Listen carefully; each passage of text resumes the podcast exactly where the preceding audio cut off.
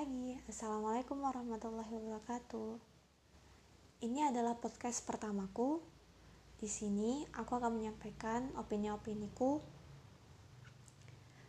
Semoga saja dengan yang sedikit ini kita bisa sama-sama belajar. Dan harapanku ke depannya sih ingin supaya kita bisa lebih berani untuk mengumumkakan suara dan pendapat. Ya seperti itu. Ditunggu ya. Kalau misalnya mau ada kritik dan saran kalian bisa kirim langsung ke aku. Terima kasih